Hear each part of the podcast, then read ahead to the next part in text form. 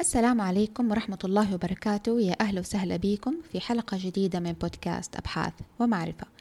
في حلقة اليوم راح أتكلم على نوع آه، يعتبر نوع جديد عندنا هنا في ال Middle East في العالم العربي في الأبحاث اللي هو اسمه البحث السلوكي الحيوي أو ال bio behavior research. فلو كنتم مهتمين تسمعوا أكثر عن موضوعنا اليوم كملوا معايا الحلقة.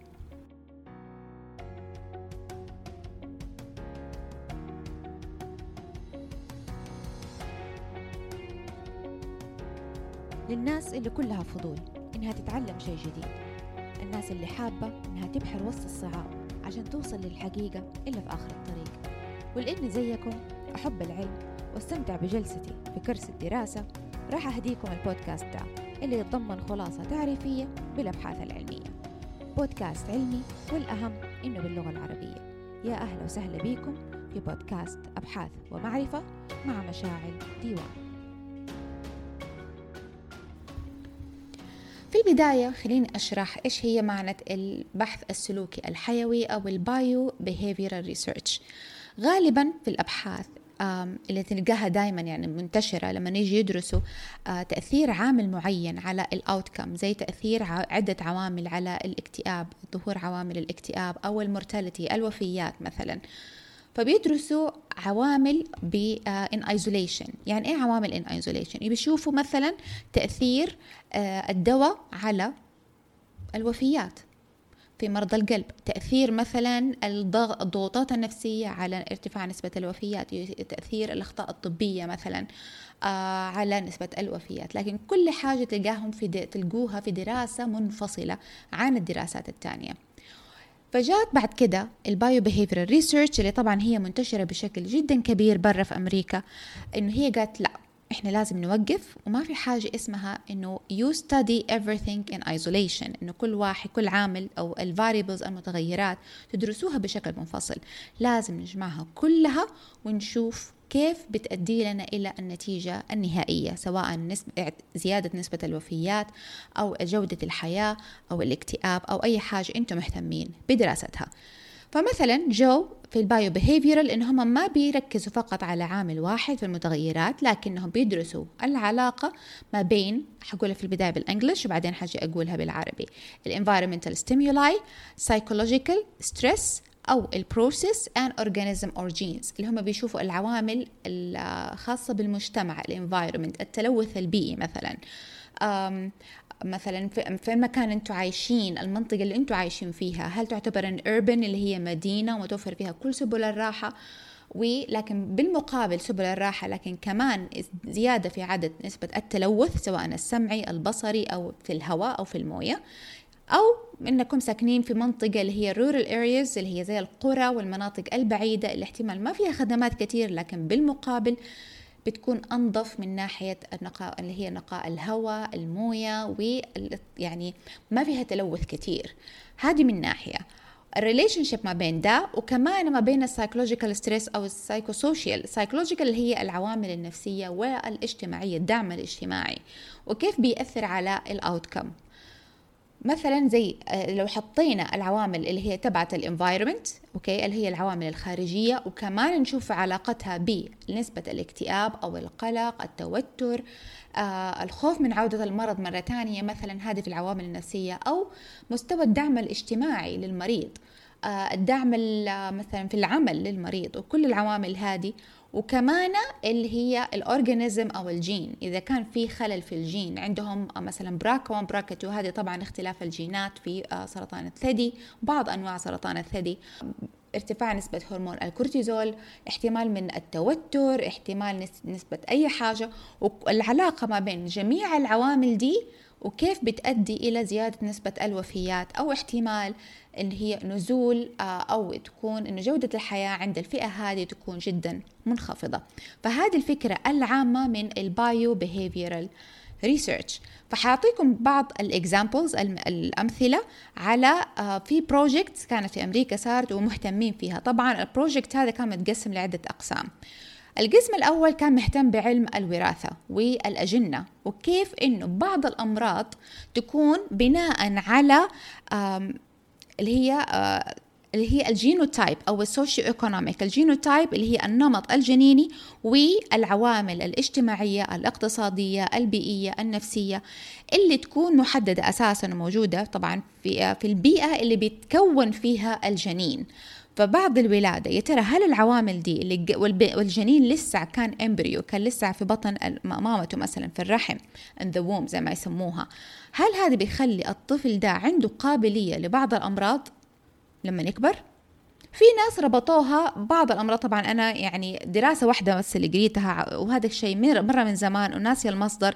لكنه في بعض العوامل اللي تتعرض لها الوالدة إذا كان من ضغوطات نفسية أو أمراض أو أي حاجة احتمال تزيد نسبة الإصابة في الأمراض للطفل حتى بعد الولادة زي احتمال أمراض التوحد.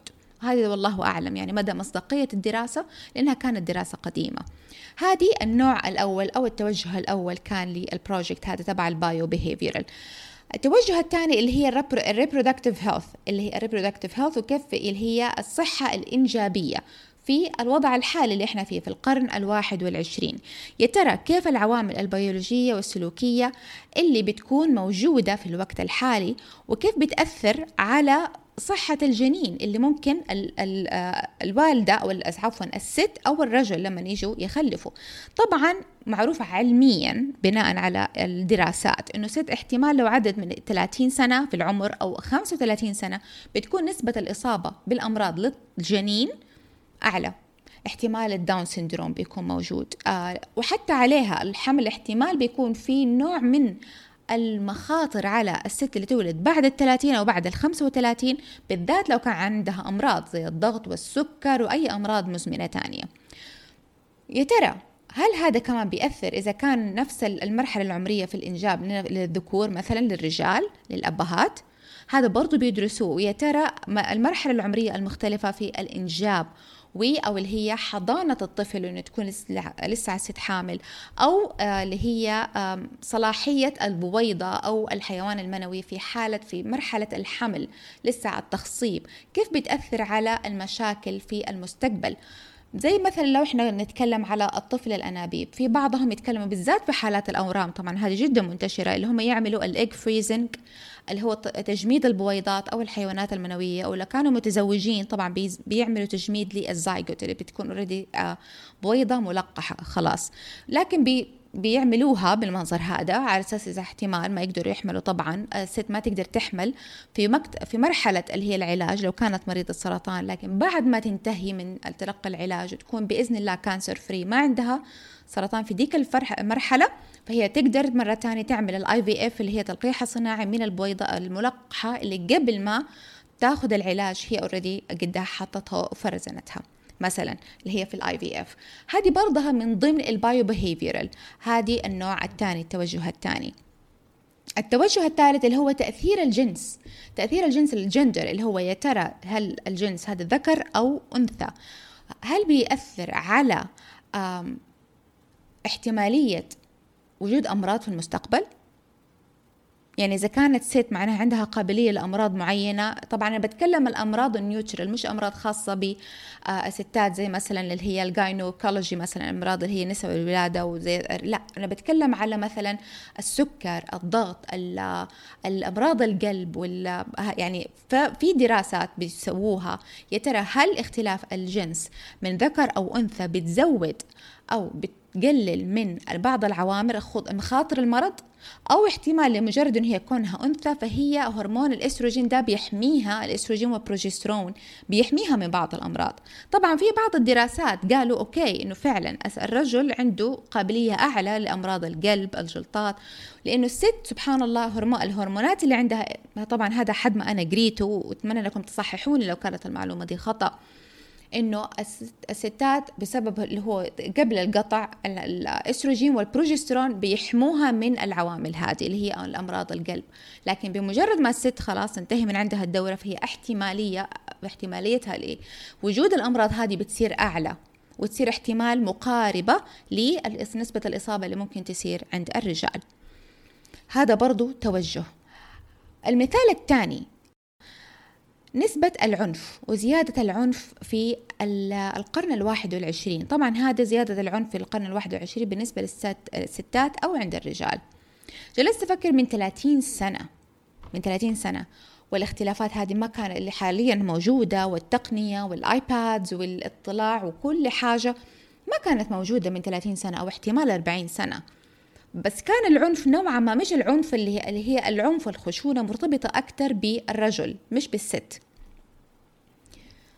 لكن برضو هذا هل هو أنا قعدت أفكر هل العنف مرتبط بالرجل بس لأنه هو الجين تبعه الكروموزوم Y والستات X ولا له علاقة طبعا هذا سبب أو له علاقة بالهرمونات؟ لأنه طبعا الجينات غير الهرمونات الهرمونات إنه الستات بمجرد هم عفوا الهرمونات إنه هي استروجين وبروجسترون والرجال إنه هو التستوستيرون لمجرد إنه هو عنده الهرمون التستوستيرون فهذا حيخليه عرضة أكثر إنه هو يصير عنده أعمال عنف لما يكبر. يعني هل هذا معناه خلاني أفكر إنه لو الرجال كان okay التستوستيرون والمستوى عنده عادي يعني within normal limits لكنه عاش في بيئة جدا جدا هادئة ما تميل للعنف. التربية كانت في البيت جدا المحيط اللي هو عايش فيه جدا هادئ. يا ترى هل حيكون عنيف ولا لو كان عايش في بيئة آه، فيها عنف خارجي فيها تنمر فيها احتمال domestic violence اضطهاد من أو الأذى الجسدي أو النفسي من الأهل للطفل هذا هل حيزيد عنده العنف أكتر؟ فأنا بصراحة ما أصدق إنه بس مجرد الهرمونات أو إنه الرجال عنده Y وأنا عندي X فهذا يخلي هو نسبة العنف عنده أعلى. والدليل اللي أنا شايفاه طبعا ما هو دليل يعني لأنه لما صارت دراسة دراسة بالنسبة لي أنا أنا ما at least أنا ما عملتها الوقت الحالي العنف صار موجود بين الستات وبين الرجال. يعني لما تيجوا تشوفوا حتى العوائل اللي هي نسبة الجرائم اللي موجودة عالميا أنا ما أتكلم بس عندنا في ال Middle East لكن عالميا نسبة الجرائم كيف صارت؟ صارت نوعا ما okay العنف أكثر عند الرجال لكن لا مش معناه إنه الستات ما عندهم عنف. بالعكس بنسمع عن حالات تعنيف كثيرة من سيدات للأطفال. احتمال بتكون مو نسبة عالية جدا كيف الست تعنف الرجل لكن في نسبة وزادت عن أول. فهذه خلينا أفكر يا ترى هل بسبب بس مجرد إن هي يعني صار في خلل في الهرمونات؟ لو إحنا قلنا بس إنه هو بمجرد إنه الرجال عنده تستوستيرون هو ده اللي يخليه يصير عنيف. طب هل هذا معناه إنه الست صار عندها نسبة زيادة في التستوستيرون مثلا؟ أو لأنه البيئة اللي هي الخارجية اللي عايشة فيها أو لأنه بسبب اطلاعها على الألعاب العنف وكل البيئة المحيطة أو يمكن بتكون كل العوامل دي كلها على بعضها. هذه فكرة ال biobehavioral research طبعا للأسف إلى الآن ما فيش theoretical framework إطار نظري لحد علمي بيغطي ال biobehavioral research لكن عادة بيستخدموا بعض النظريات الثانية اللي تكون نوعا ما قريبة ومشابهة وأتمنى أتمنى فعلا أنه في القريب العاجل يصير في دراسة عفوا في نظري إطار نظري يدعم كل المتغيرات اللي تسمح لنا أنه إحنا ندرس المتغيرات اللي ممكن تأثر لنا على ال outcome اللي هي تتضمن مو بس العوامل الجينية والهرمونات اللي هي الأشياء اللي هي ال biological الحيوية لكن كمان تتضمن العوامل النفسية تتضمن العوامل الاجتماعية تتضمن العوامل المختلفة والمتغيرة في ال environment في المجتمع حوالينا في البيئة اللي إحنا عايشين فيها. تتضمن كمان آه، نوع اللي هو الجنس ترى ذكر أو أنثى. إذا كان المرحلة العمرية أطفال أو مراهقين أو كبار في السن يكون قد ما نقدر إطار نظري متكامل. أتمنى إنه يكون فعلا هذا الشيء يعني يعملوه في القريب العاجل عشان نلقى فعلا إطار نظري to guide our research إنه هي يدعم النظريات تبع عفوا الدراسات اللي إحنا بنعملها في المستقبل وتخلينا نعمل دراسات أقوى. طبعا أنا بالنسبة لي دائما أنا توجهي إنه لازم يكون في إطار نظري لأي دراسة. مو كثير أنا big fan بالدراسات اللي لما يكون فيها إطار نظري.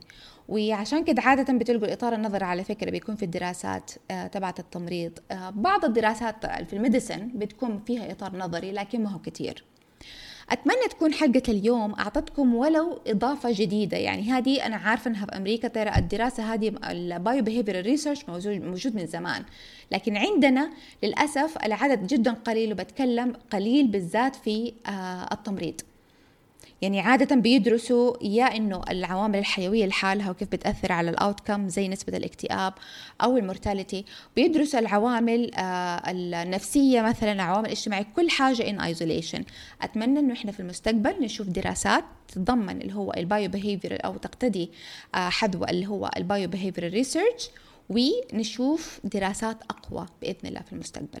لو كانت حلقة اليوم أعطتكم معلومات جديدة عن توجه يمكن أنتم ما كان في بالكم وتبغوا تعملوه في المستقبل في دراستكم الجاية في بحثكم الجاي فأتمنى أنكم تشاركوا البودكاست مع الناس اللي زيكم يحبوا الأبحاث وتعملوا like and subscribe لقناة البودكاست على Google Podcast Apple Podcast وتويتر. ولو عندكم أي استفسار فترسلوا لي على research and knowledge 1 at gmail.com كان معاكم مشاعر ديوان.